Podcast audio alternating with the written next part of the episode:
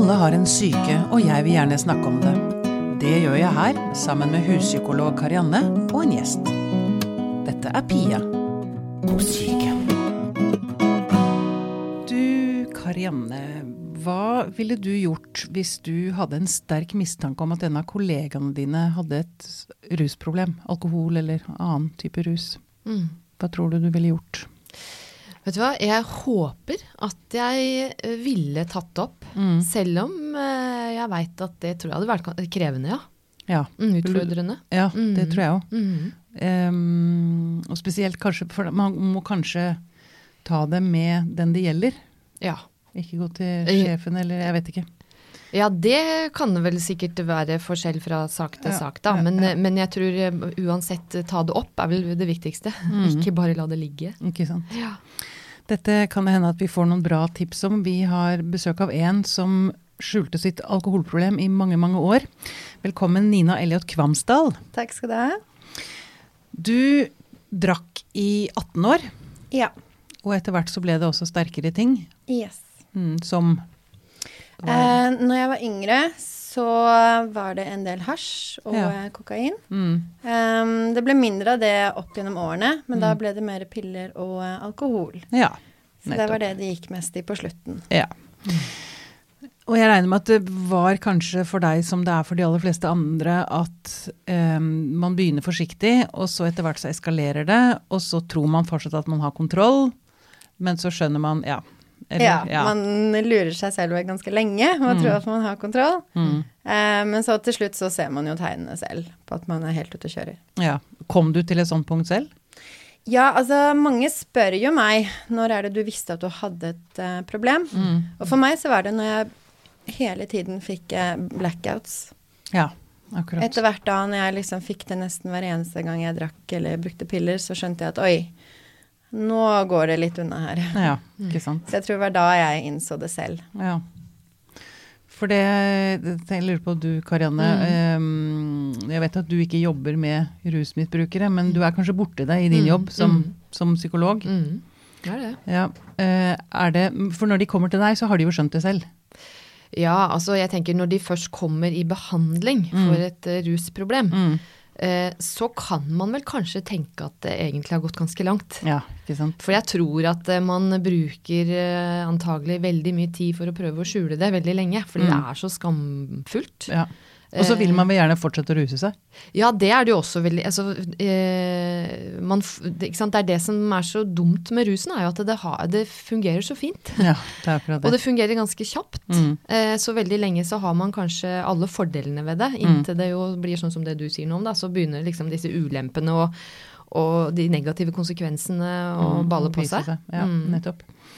Ok, um, så Nina. Ja. Uh, fikk du en ny, fin jobb som du hadde lyst på? Ja. Og også der uh, rusa du deg. Ja. Også mer og mer der, eller? Ja, altså dette var en jobb i 2009 som tok eh, kontakt med meg og ville ha med meg inn på intervju. Mm. Og jeg ble jo kjempeglad, Mm. men jeg ble vel kanskje mest overraska. Ja. For jeg visste ikke at jeg hadde sendt inn en søknad. Du visste det ikke? Nei, det hadde jeg gjort i eh, blackout. Oi! Så jeg var like så man klarer, å, man klarer å liksom skrive godt i blackout, da. Du, Jeg gjorde masse i blackout, ja. Det var ikke noe problem. Oi. Sånn at jeg var jo egentlig like spent som de på dette Mm. intervjuet. Mm. Eh, og når jeg så søknaden, så var det jo sånn klipp og lim. Jeg hadde liksom putta inn bilder, og stavingen var vel litt sånn jeg som deg. Mm. Eh, men de syntes jo at den søknaden var så morsom, jeg virka så kreativ og sånn. Så jeg fikk jo sikkert jobben mye på grunn av den søknaden, som var ironien i seg selv, da. Yes. Mm. Ja. Som du ikke huska at du hadde skrevet. Nei. Mm. Og for meg da så hadde ting gått så langt utenom. Men så tenkte jeg at åh, nå skal jeg få meg en ny, fin jobb. Gå på dress, ja, gå, gå i eh, dress på jobb hver dag. Og For dette, meg så- dette var en Hva slags type jobb var det? Det var en servicejobb. Mm. Eh, og som sagt, sånn at når jeg først begynte der, så hadde jeg bestemt meg for at nå skal jeg slutte å ruse meg. Jeg skal ikke drikke. Nå skal det bli orden på ting. Nå har jeg fått en ny sjanse. Mm. Så det var sånn jeg tenkte da, da når jeg begynte Ja. der. Og hvor lenge holdt det? Det holdt i to og en halv måned. Ja. Og hva var det som skjedde da? Nei, altså første kickoffen så drakk jeg ikke. Og da satt vi rundt bordet, og så var det noen som, som skjønte at jeg ikke drakk. Og så fikk jeg spørsmål. Mm. Og så skulle jeg ikke ha babys, og så kjørte jeg ikke bil. Mm. Og så hadde jeg ikke noe forklaring. Mm. Og da ble det bare helt sånn stille rundt bordet. Mm. Og så i løpet av eh, kvelden, jo fullere de andre ble, jo større avstand tok de fra meg. Mm. Så til slutt så bare sto jeg liksom helt alene i et hjørne. Mm. Og jeg husker jeg gikk gråtende hjem den kvelden. Det var en ny jobb, man ville liksom være del av gjengen. Mm. Eh, men, men jeg hadde jo lovet meg selv ikke sant, at jeg ikke skulle drikke. Og neste tilstelning var eh, julebord. Mm. Samme sak. Sto jeg alene.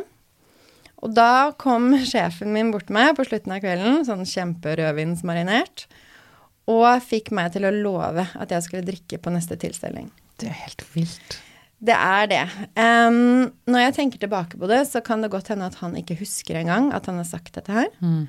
Og så når jeg tenker på det på en annen måte, altså sånn, han ansatte jo hun med den der kreative søknaden. Hun virker jo dødskul sikkert Ja. å ha med på fest. Mm. Og så kommer jeg som liksom er helt straight. Så det var kanskje litt sånn han tenkte der og da, da. Mm. Em, og jeg skulle ønske at jeg hadde mer selvtillit på den tiden og var en sterkere person, men jeg klarte ikke å stå imot presset. på Nei, så du drakk tilstelning. neste tilstelning, da. Og da hadde jeg gått over den grensen, så da var det liksom Da var det kjørt. ingen vei tilbake. Ja. Det er ganske sprøtt at det er uh, Er dette spesielt for Norge, tror dere? Altså, for det er jeg, jeg, er jo, jeg skjønner jo hva du mener. At det er uh, en sånn kollektiv forståelse av at når man er på fest, så drikker man. Mm. Med mindre man er gravid, som du sier. Eller Ja. Man må veldig ofte ha en unnskyldning, ja. Som du sier, enten at man er gravid, eller en religiøs overbevisning, eller, eh, eller noen andre helt sånn Ja, eller at man skal kjøre, eller noen legitime grunner, da. Mm. Til at man ikke skal drikke. Det er, det er på en måte sånn eh, Spesielt på fest veldig sosialt akseptert. Ja. Og gjør vel også noe med relasjonene, i hvert fall i begynnelsen av festen. Altså Det blir et sånn smøremiddel oss imellom, på en måte. Ikke sant. Mm. Og så er det vel en sånn Folk vil ikke at noen skal bryte ut av malen. Nei. Altså, for da blir man litt urolig. Når noen skal gjøre noe som ikke aldri Altså, hva er det for, altså, hva er det for gærent, eller ja det, Man blir usikker, utrygg av det, Ja, tror det gjør man helt klart. Og liksom, Ja. alle må være på samme nivå. Mm. Men jeg opplever vel nå at folk kanskje ikke spør like mye. Ja. Mm. Men når de selv er kjempefulle, da kommer det gjerne. Ja. Da kan dette driske, altså, ja, da kan på en måte hele drikkepresset komme igjen. Mm.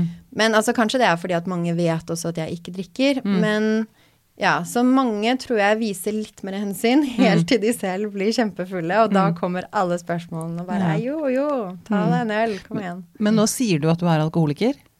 Når noen spør meg om jeg skal drikke eller, ja, eller Mm. hvorfor jeg ikke drikker, så pleier jeg ofte å si at jeg har brukt opp min kvote. kvote. og da spør kanskje folk enda mer, og da sier jeg at jeg er eh, alkoholiker. Mm. For det har jeg nemlig lært at man selv For nå har du vært edru i seks år. Ja, snart seks og, Snart seks, seks og et halvt. Uh, At man senker At man fortsatt er alkoholiker.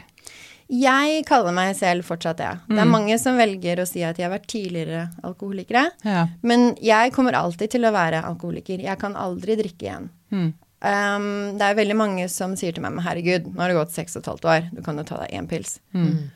Og da er det sånn, men jeg har ikke lyst på én pils, jeg har lyst på 28. Så hvorfor i alle dager skal jeg ta én? Nei, ikke sant. Men det er liksom mitt eh, standpunkt, da. Mm. Um, det er, Men det er veldig ulikt. Og jeg kjenner jo andre som klarer å ta seg en eller to øl. Mm.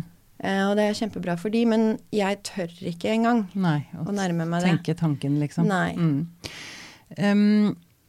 Hvordan Altså, du eh, Rusa du deg på jobb òg? Nei, på jobb så uh, rusa jeg meg ikke. Men jeg var jo alltid bakfull. Mm. Um, I tillegg så hadde jeg masse diagnoser. De har vi ikke sett noe til nå, etter at jeg ble ru- rusfri.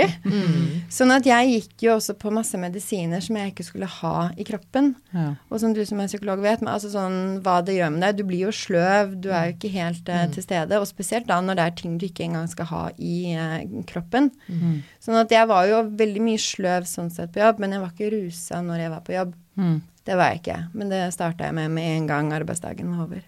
ja. Og det var hver dag. Det var hver dag. Ja. Det var det. ja. Men jeg leste eh, i et intervju at du sa at du måtte komme på jobb klokka fem. For å en, Var det mot slutten, det, kanskje? Ja, for um, i starten så gikk det lettere å skjule. Mens etter hvert så gikk det litt over stokk og stein, og da måtte jeg begynne å tenke meg veldig om og lage en liten slagplan. Sånn at jeg begynte syv om morgenen, men da kunne jeg gjerne komme inn sånn eh, fem for å liksom gå av meg rusen. Og så prøve å gjøre ferdig så mye som mulig for hele dagen, sånn at ingen kunne ta meg på noe. At ingen kunne si at Nina har ikke gjort jobben sin. Ja, Så du jobba akkurat. Ja, ja, ja. Og jeg var aldri borte på mandager. Jeg hadde nesten ikke noe fravær. Eh, så til at det aldri lukta alkohol av meg. Jeg var veldig opptatt av liksom, utseendet, at jeg fortsatt skulle se fresh og fin ut. Sånn at jeg ble kjempeopptatt av det. Så nå når jeg hører at folk kommer på jobb og lukter alkohol, så tenker jeg, men amatør, hvor lenge har du vært alkis? For etter hvert så blir man ekspert på å skjule det, da. Og det var det som jeg gjorde. Men jeg brukte jo all min tid og energi på å skjule det. For på den tiden så hadde jo alt utenom gått til helvete, for å si det sånn. Ja, Hadde hva hva veldig Altså dårlig kontakt med venner og eh, familie. Eh, Feira jul alene, nyttår eh, alene. Etter eget valg. Ja. Mm. Eh, isolerte meg veldig. Hvor, hvorfor det? Hva var mekanismene bak det? Altså, det var jo for å skjule for venner og eh, familie hvor ille det egentlig var. Mm. Selv om de selvfølgelig hadde sine mistanker. Mm. Um, ja, og jeg ville bare være alene og eh, ruse meg. Mm. Det var så enkelt. Men så var det jo jobben som jeg måtte holde på. Mm. Og jobben var liksom det viktigste for meg ut i det lengste. Det var liksom Måtte bare holde på den. Og jeg hadde vel litt den derre tanken om at så lenge jeg har en jobb, så er ikke jeg en rusmisbruker for de står på gata. Ah. Og så lenge jeg har en jobb, Ja. så er ikke jeg en alvorlig eh, psykisk syk person. For de ville heller ikke klart å holde på en jobb. Selv om jeg på det tidspunktet, da hadde jeg vel åtte innleggelser eller noe sånt bak meg. Um, Innleggelser på, på eh, psykiatrisk. psykiatrisk. Mm. Mm. Um, ja, så det var min sånn logisk tankegang. Og derfor var det så viktig at jeg kom meg på jobb hele tiden. Mm. Mm. Mm. Men til slutt så ble jo det helt sånn sykelig greie at jeg var opptatt av det. Mm. Um, ja. Men det, det- tror jeg er veldig mange som eh, jeg- Jeg tror vi kan anta at det er mange faktisk som er i arbeidslivet og som strever med alkoholmisbruk. Fordi jeg tror, det, jeg tror mye av dynamikken er nettopp det du sier. Altså at det er så mye annet som er nærere enn som ryker ganske fort. Som kan være venner, som kan være familie, som kan være sosialt nettverk på en eller annen måte. Eh, mens jobben tviholder man på fordi det gir en form for verdighet. da. Ja. Eller en eller annen form for eh, illusjon om at man fortsatt fungerer. Og sånn sett så muliggjør det jo også kanskje at man fortsatt kan drikke, da. Mm. Hvis, man, hvis, ikke sant? Hvis, man ikke, hvis, hvis, hvis, hvis det ikke synes på jobb, eller hvis ingen på jobb tar tak i det, eller så, så, så er det en situasjon som er, kan være opprettholdende, da. Mm. Mm. Eh, Hva tenker dere er altså, eh, Hvis man skal hjelpe andre der ute nå, eh, altså folk som står rundt sjefer Hvis Ja. vi konsentrerer oss om arbeidslivet, da. ja. Hva slags type tegn er det de bør se etter? Altså, du har jo disse altså, ja, de litt mer vanlige tegnene, da. At det lukter alkohol, de kommer for sent, de kommer ikke på jobb. Um, mens jeg hadde jo avansert til et litt annet uh, nivå. Sånn at i mitt tilfelle så burde de jo kanskje tenkt seg om hvorfor i alle dager kommer hun to timer tidligere inn på jobb. Ja. Eh, for meg så var det også på eh, slutten så hadde jeg bare est ut i vekt. Mm. Og det var pille- og eh, alkoholvekt. Mm. Og det er gjerne en sånn type vekt som, som på en måte syns, for mm. den kommer så veldig raskt. Em, sånn at det så man på meg ganske tydelig. Jeg turte ikke å be om enda større eh, uniform, så jeg gikk rundt i sånn pølseskinn. Jeg kunne så vidt gjøre jobben min, for jeg kunne ikke bevege meg. Mm. Um, og da veide jeg jo eh, 30 kilo mer enn jeg gjør nå. Oi. Sånn at jeg tenker at sånne type ting er også et tegn. Mm. Ehm, sånn at man må kanskje tenke litt andre ting enn de vanlige typiske tingene. Mm. For det er sånn som jeg sa i stad med disse Er du amatør, Alkis? Jeg holdt på å si, du ble en veldig profesjonell. Ja, for at Ja, som sagt, til slutt så bruker du alle midler og triks i boken, fordi at Mm. du må bare Ja. Mm. Du vil fortsette å ruse, og da må du beskytte det for alt her i verden. Og Ja. da blir man kreativ. Mm, ikke sant. Og jeg tenker det er et veldig viktig poeng det der at man tror liksom at alkoholikere eh, er uteliggere. Ja. Eller at rusmisbrukere holder til på plata eller under en trapp, liksom. Mm. Men det er faktisk veldig mange som er uh, helt fungerende, fint oppegående alkoholikere. Mm. Ja, eller ja, ja. Mm.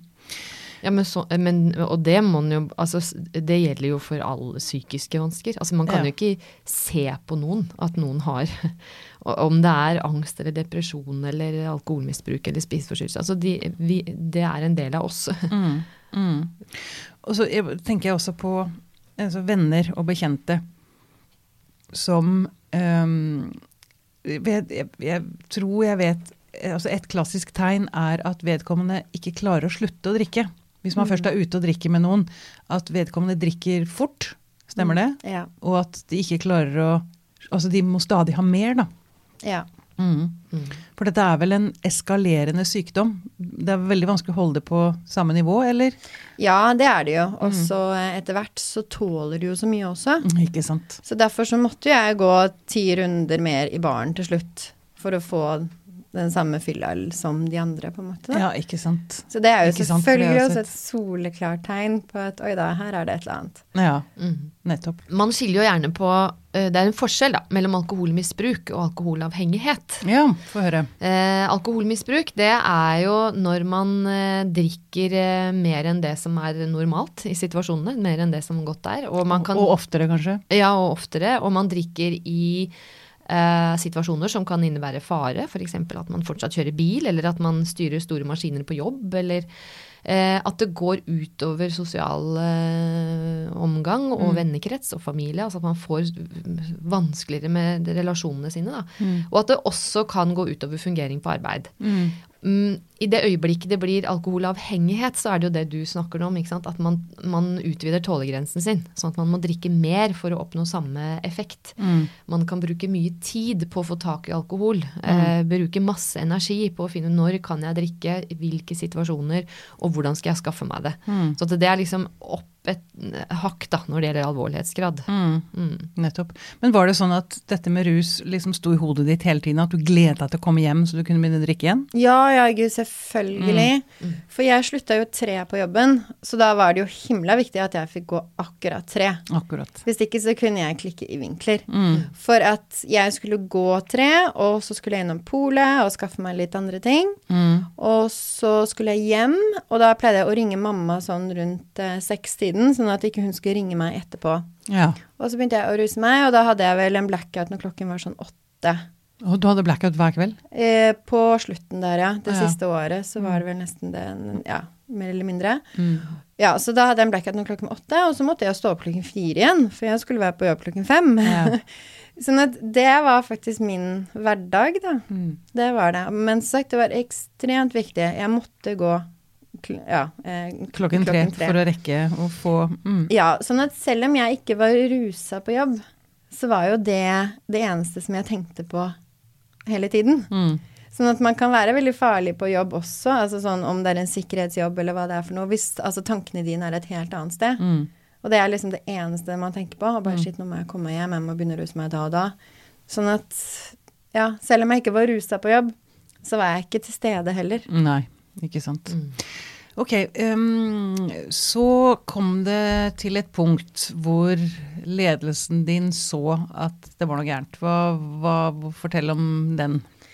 Jeg har jo fått høre i senere tid at til slutt så eh, hadde jeg ikke på meg sminke, jeg vaska ikke håret. Det her er det helt glemt. Jeg trodde jeg fortsatt klarte å holde på eh, fasaden ute i det lengste. Men det gjorde jeg ikke. Så da ble jeg kalt inn på et møte med mine to eh, sjefer. Uh, og jeg kom inn på det møtet, og jeg husker ikke så veldig mye, for jeg var veldig dårlig på det, på det eh, tidspunktet. Mm. De var veldig nervøse, og det så man på lang avstand. De åpnet møtet med å bare si at her ser vi at det er et eller annet som ikke stemmer. Mm. Og da var jeg bare så utslitt, så jeg bare begynte å hylgrine, for jeg mm. orka ikke å komme på noen unnskyldninger eller noen ting. Så jeg bare knakk sammen.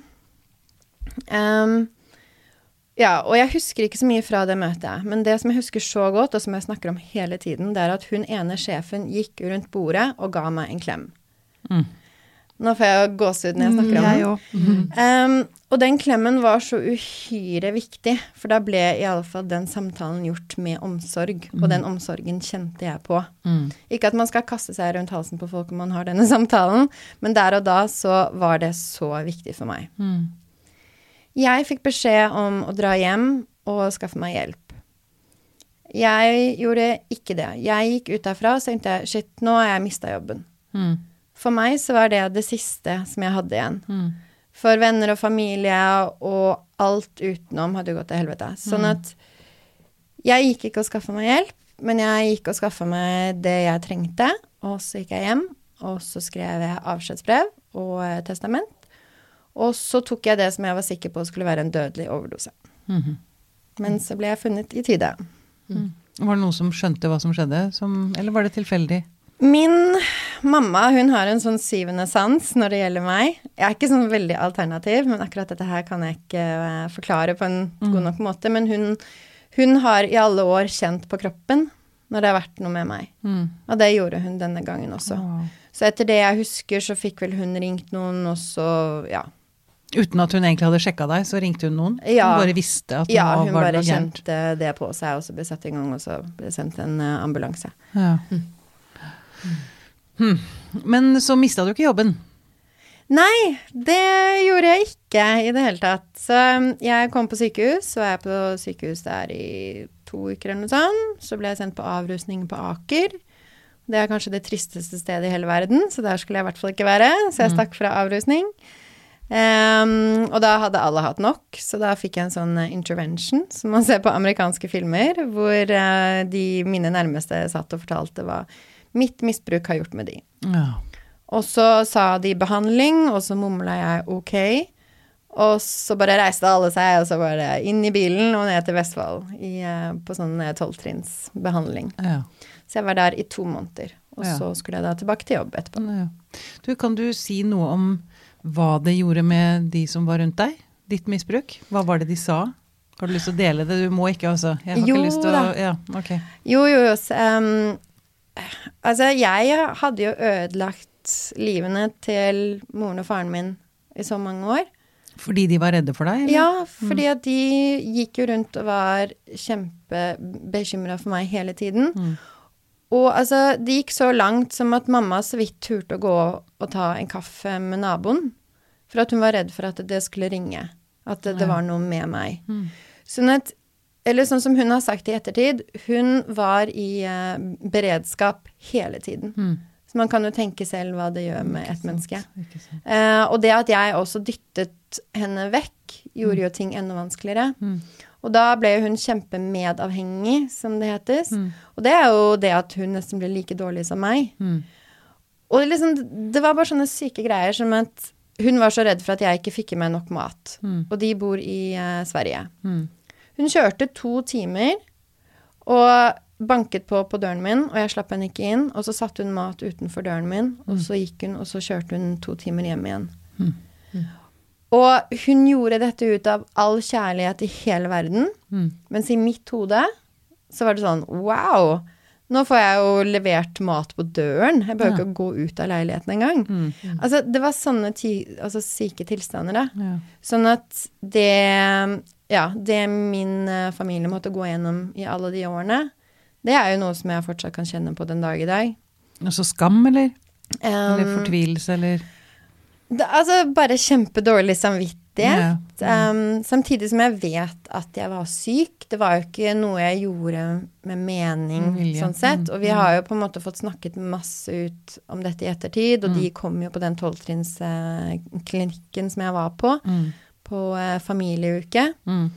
Eh, og når de kom dit, så trodde de at de kom dit for å lære hvordan de skulle håndtere meg hvis Mm. jeg begynte å ruse meg igjen.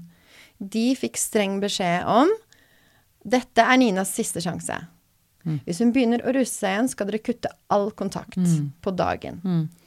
Og når folk hører det, så tenker de men herregud, så strengt, man kan jo ikke gjøre det med sitt, sitt eget barn. Mm. Men da må jeg minne dem på at hva tror du har stoppa meg så mange ganger fra å begynne å ruse meg igjen? Det er tanken på å ikke ha mamma, pappa eller broren min i livet mitt.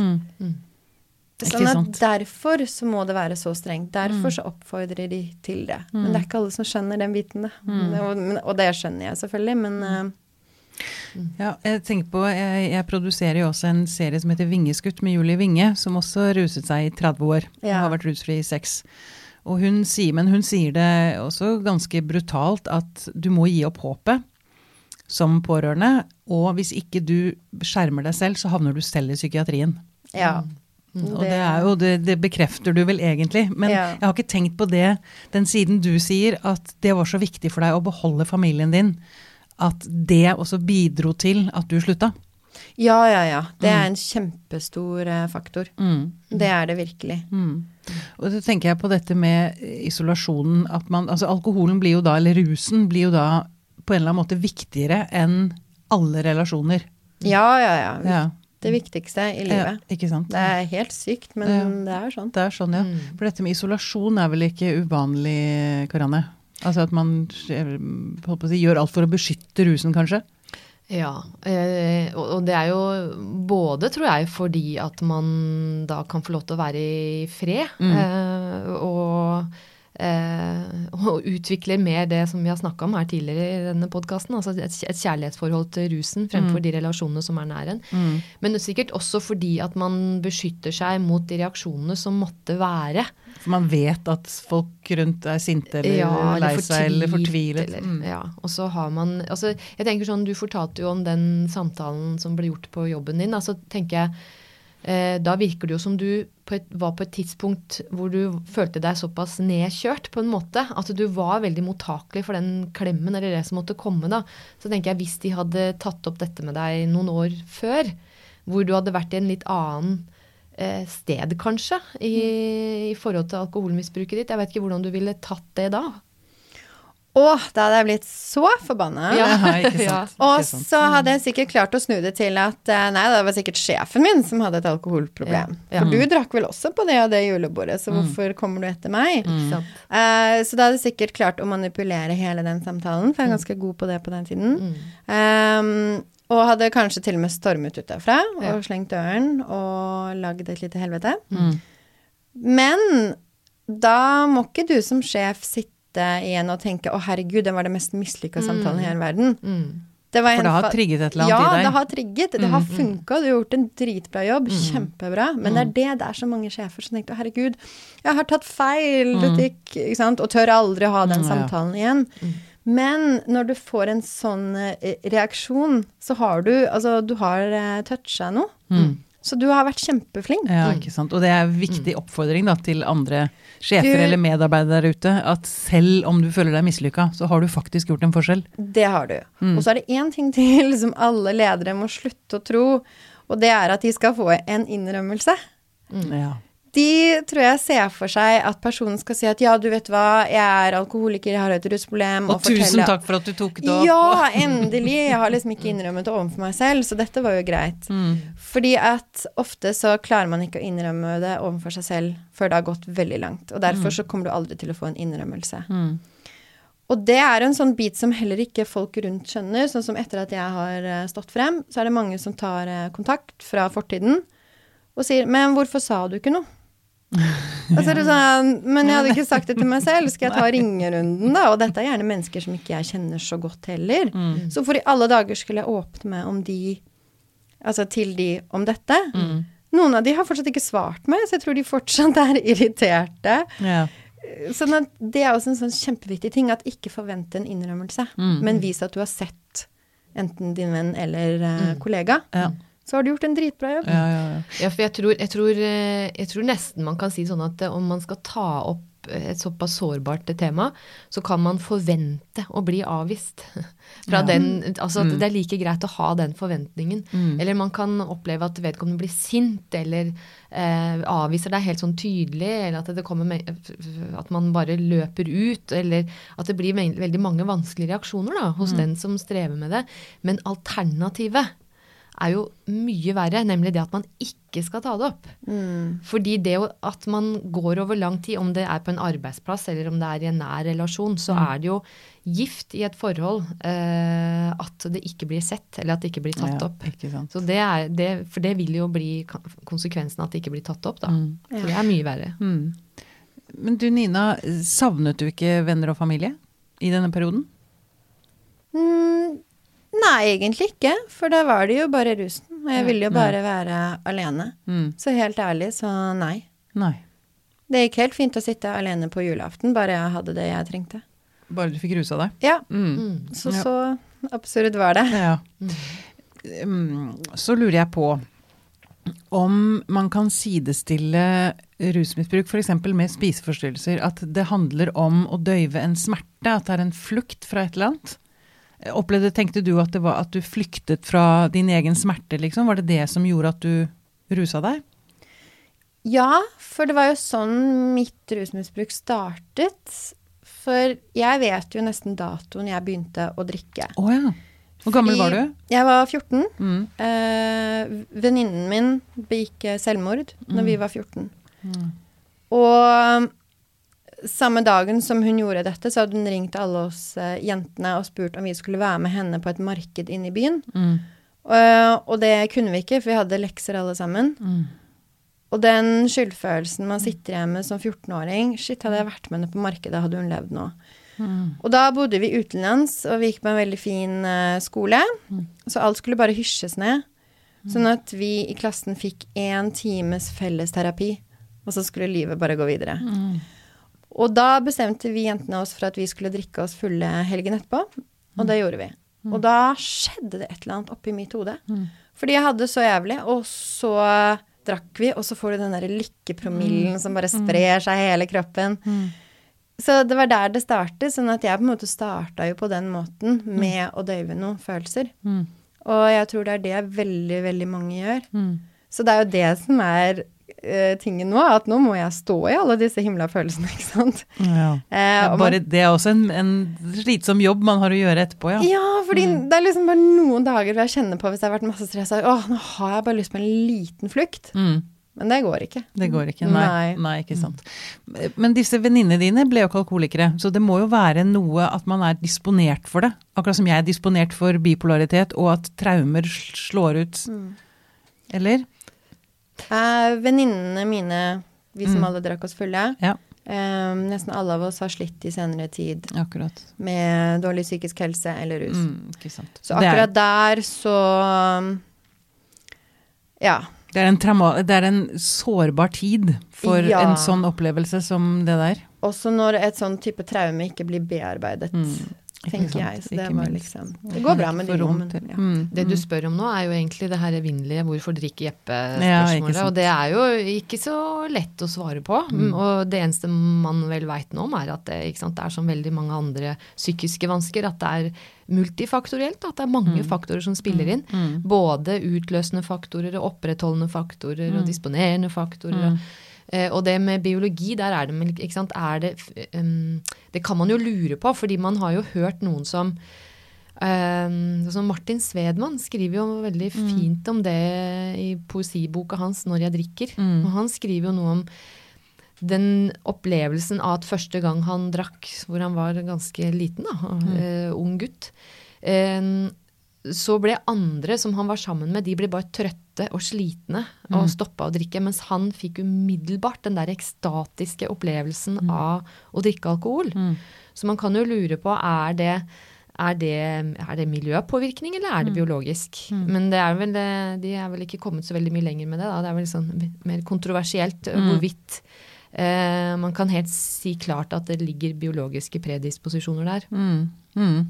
Men det, tilbake til det jeg nevnte i sted, dette med spiseforstyrrelser og Mm. rusmisbruk. At det Ja. liksom kan være to sider Altså det er bare hver sin vei smerten finner Ja. til å døyve følelsene. Ja, og så er det jo sånn at om, om man finner en metode da, for å regulere ned eller regulere opp noe som er vanskelig inni seg, en eller annen Mm. tilstand, en eller annen følelsestilstand, så om man ruser seg, eller om man spiser lite, eller om man kaster opp eller skader Mm. seg for den del, så kan det ha samme funksjon. Da. Det er et ønske om å eh, regulere det på en eller annen måte. Ikke sant? Mm, det som er eh, Det som kanskje er eh, hakket liksom enda liksom mer alvorlig, kan man si, med Altså det er veldig alvorlig med spiseforstyrrelser òg. Det, det den, men den metoden man bruker når man ruser seg, er jo at det får så hurtig virkning. Mm. Altså det å sulte seg er jo et veldig sånn langsomt eh, prosjekt som gjør at man liksom blir kleba mer og mer fast på en eller annen måte Mm. til å avhengig av å bruke den metoden. Men Mm. alkohol funker så bra helt fra første stund. Ja, ikke sant. Fra, fra helt fra begynnelsen, ja. Mm. Mm. Det er veldig, så den er, det er veldig Man kan fort Man kan veldig raskt få en avhengighet til det, da. Mm. Nettopp. Mm. Nettopp. Um, nå i dag da, Nina. Jeg vet du har begynt med med holdt på å si, veldedig arbeid. Altså, hvor, hva, hva, hva, er det du, hva er det som har hjulpet deg til å holde deg edru? Og eh, som en fortsettelse på livet, få tilbake verdigheten. For jeg regner med at du mistet en del verdighet da du mista jobben. Det sa du vel i og for seg i sted? Ja, men jeg mista jo ikke jobben. Nei, nettopp. Nei. Du gjorde ikke det, men du trodde det. Mm, Ja, jeg mm. trodde det. Um, nei, altså det som funka for meg Jeg måtte ha store konsekvenser Mm, um, når jeg kom ut fra behandling. mm, Så da hadde jeg jo det at jeg kunne miste mamma og pappa. mm. Og så på jobben så fikk jeg en Akan-avtale. I den sto det også at jeg kunne miste jobben hvis jeg tok eh, tilbakefall. Mm, Så da var det en uh, konsekvens. mm. Uh, I tillegg så trodde jeg at jeg skulle få dekket uh, behandlingen min. Det fikk jeg ikke, så plutselig sto jeg der med en regning på 100 000, i tillegg til Ok. masse annen gjeld. Mm. Um, men til slutt så klarte jeg å betale det himla lånet. Um, men da fikk jeg et litt annet eierskap, tror jeg, til mitt edruskap, da.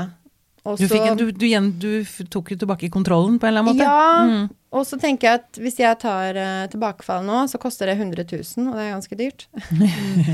uh, sånn at det var liksom sånne ting som hjalp meg sånn sett, da. Mm.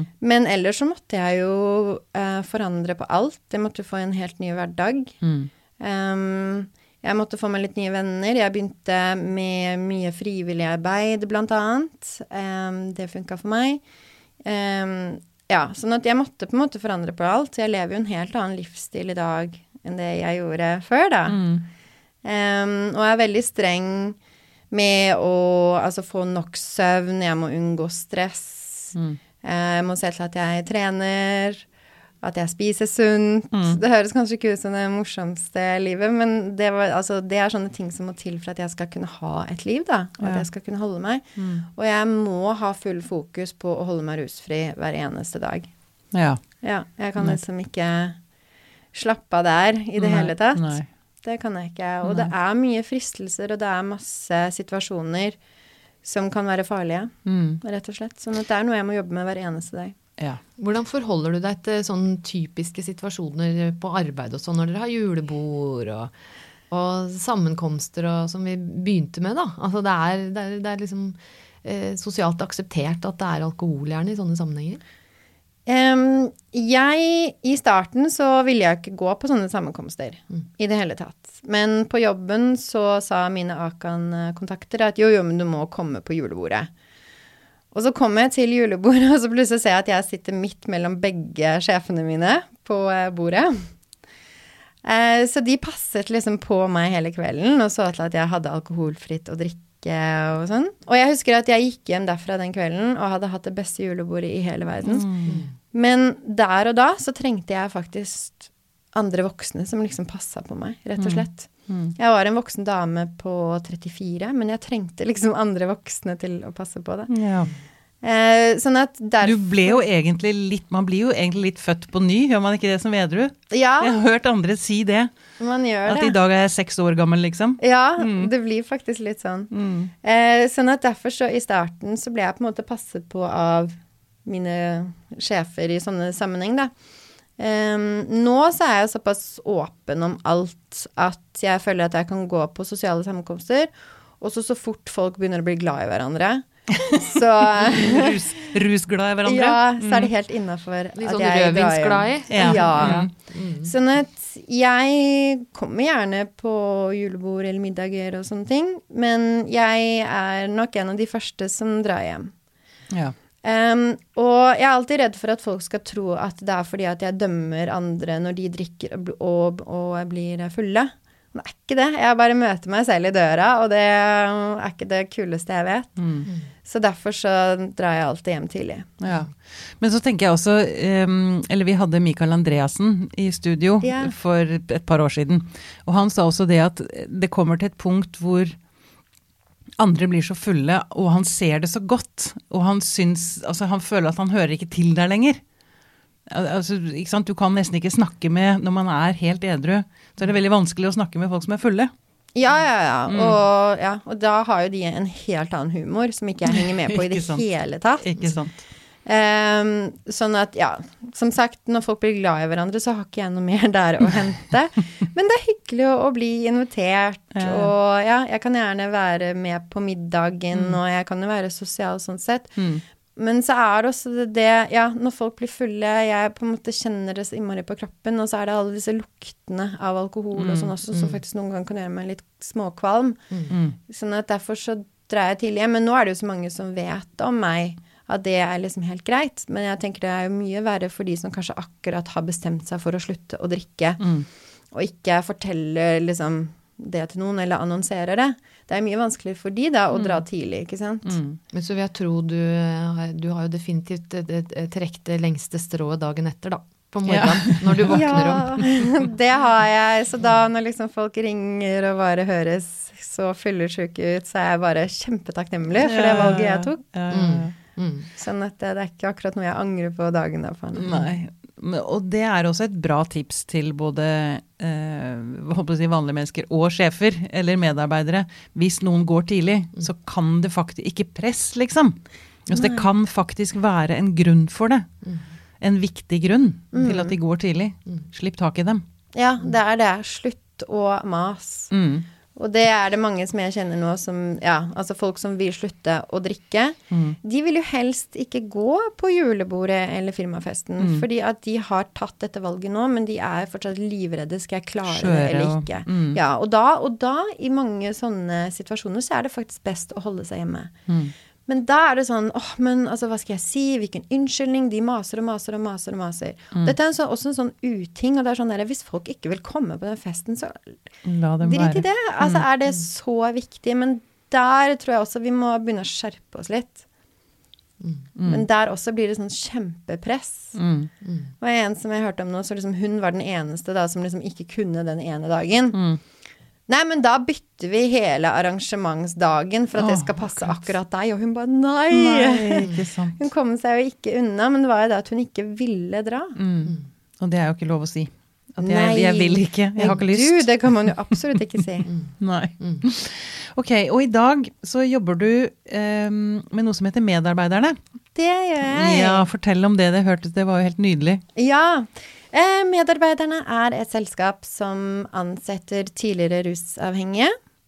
Eh, vi henter ting som skal eh, kildesorteres i, hjemme hos folk. Husstander rundt om i Oslo og Akershus.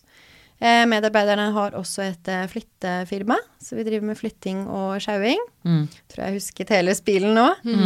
Eh, så der har jeg nå begynt å jobbe. Driver med markedsføring av de. Mhm. Um, det er helt fantastisk å være på en arbeidsplass hvor vi alle har samme historikk. Ja, ja, ja. Det er altså Det er allerede Ja, det er et sånt uh, fellesskap, da. Mm.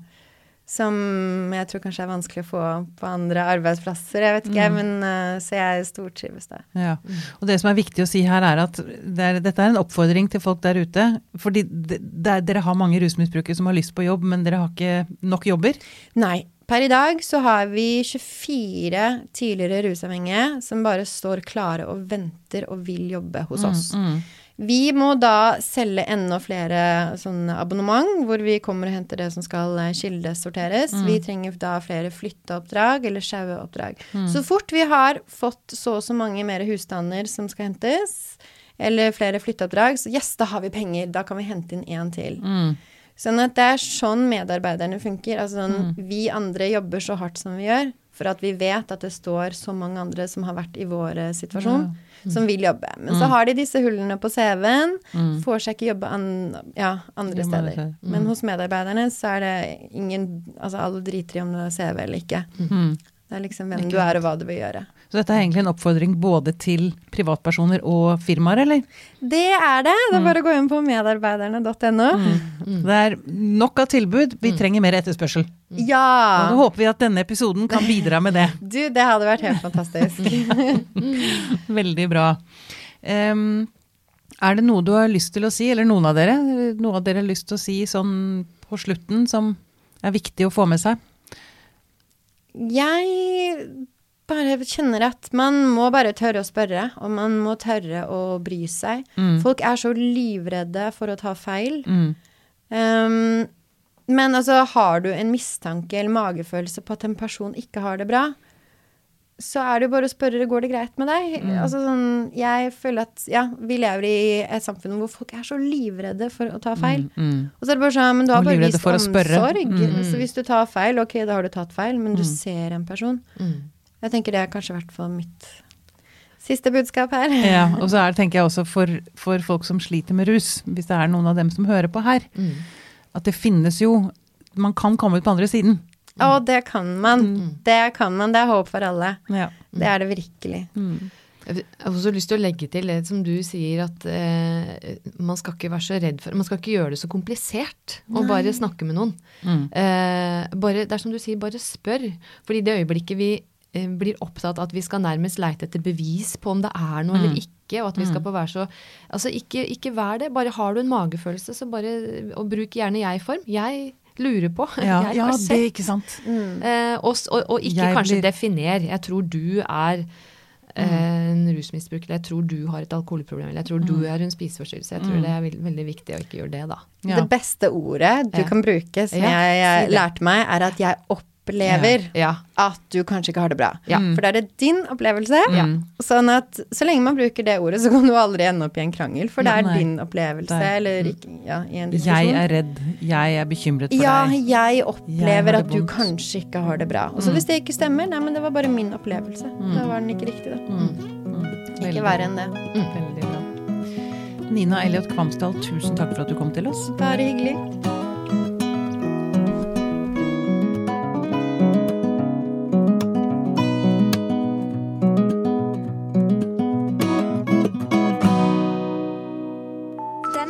Podkasten er produsert av Tid og Lyst. Med støtte fra stiftelsen Kåre Berg.